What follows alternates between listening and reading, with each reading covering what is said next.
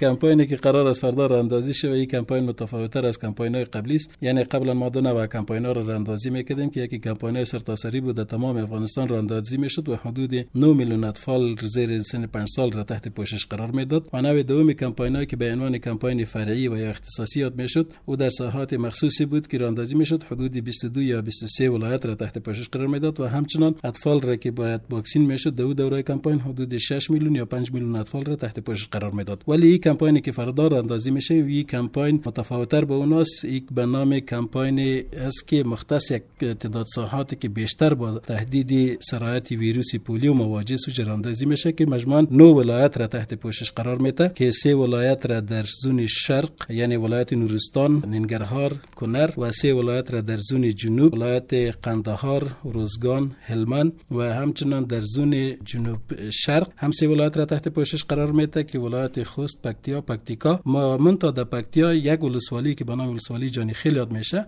در دوره قبلی او از از تحت واکسین پوشش باز مانده بود و در دور را تحت پوشش قرار میده. در مجموع چند ولسوالی است؟ در مجموع ولسوالی هایی که تحت پوشش قرار میده 112 ولسوالی را تحت پوشش قرار میده. در ولسوالی ها در تمام نقاط شما اطفال واکسین می‌کنین یا در بعضی از ولسوالی ها برخی از نقاط از واکسین باز میمونن ولسوالی هایی را که به نام گرفتم البته این بعضی ولسوالی ها قسمی هست که در اوجه قسما کمپاین واکسین تطبیق میشه و بعضی ولسوالی را مکمل تحت پوشش قرار میده. اما در دور هم مثل سابق و یک تعداد اطفال از واکسین باز میمانه. این اطفال را که ما تحت هدف قرار دادیم که برای اونا واکسین تطبیق شه و اوناس واکسین باز میمانن این دوره هم. اما در این کمپاین اطفالی که برشان واکسین تطبیق میشه حدود 2.9 میلیون طفل زیر سن 5 سال است و همچنان ارقامی که تا حال هم به دسترس ما قرار گرفته باز هم متاسفانه در حدود 800 هزار طفل در زون جنوب در میسه ولایتی که قبلا نام گرفتم هلمند و روزگان و قندار اینجا هم از واکسین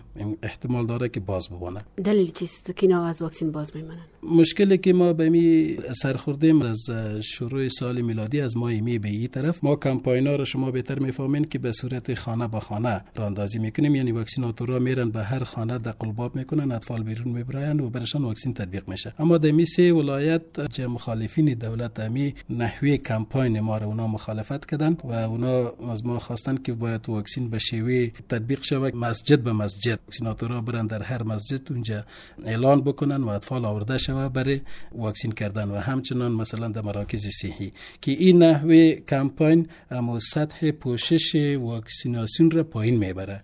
یعنی ما اگر به صورت خانه به خانه کمپاین را تطبیق بکنیم حدود 90 95 درصد اطفال را تحت پوشش قرار داده می‌تونیم. یعنی برای 95 درصد اطفال ما واکسین تطبیق کرده می‌تونیم ولی اگر به این شیوه پیش بریم ممکن در حدود 30 35 درصد اطفال را ما واکسین بکنیم که در این صورت باز هم و ویروس پولیو مهار نمیشه